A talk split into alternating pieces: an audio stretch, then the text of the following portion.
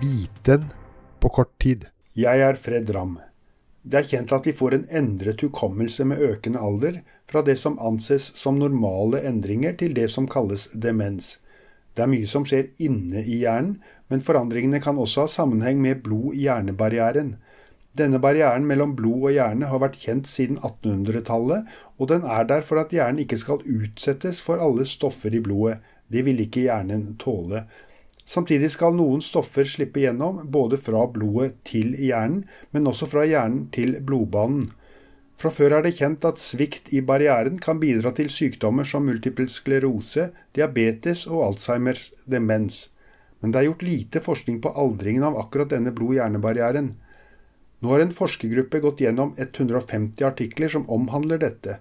Mens det er en økende lekkasje med aldring hos alle, viser det seg at personer med økte hukommelsesproblemer og demens får større lekkasjer enn andre. F.eks. vil barrieren da få vansker med å transportere næring inn til hjernen, samtidig som avfallsstoffer som amyloide plakk vanskeligere transporteres ut.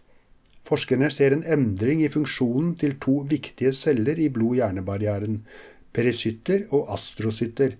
Den første mister funksjon, mens den andre blir mer aktiv. Forskerne antyder at særlig funksjonen til perisyttene kan være et angrepspunkt for å holde hukommelsen bedre ved like.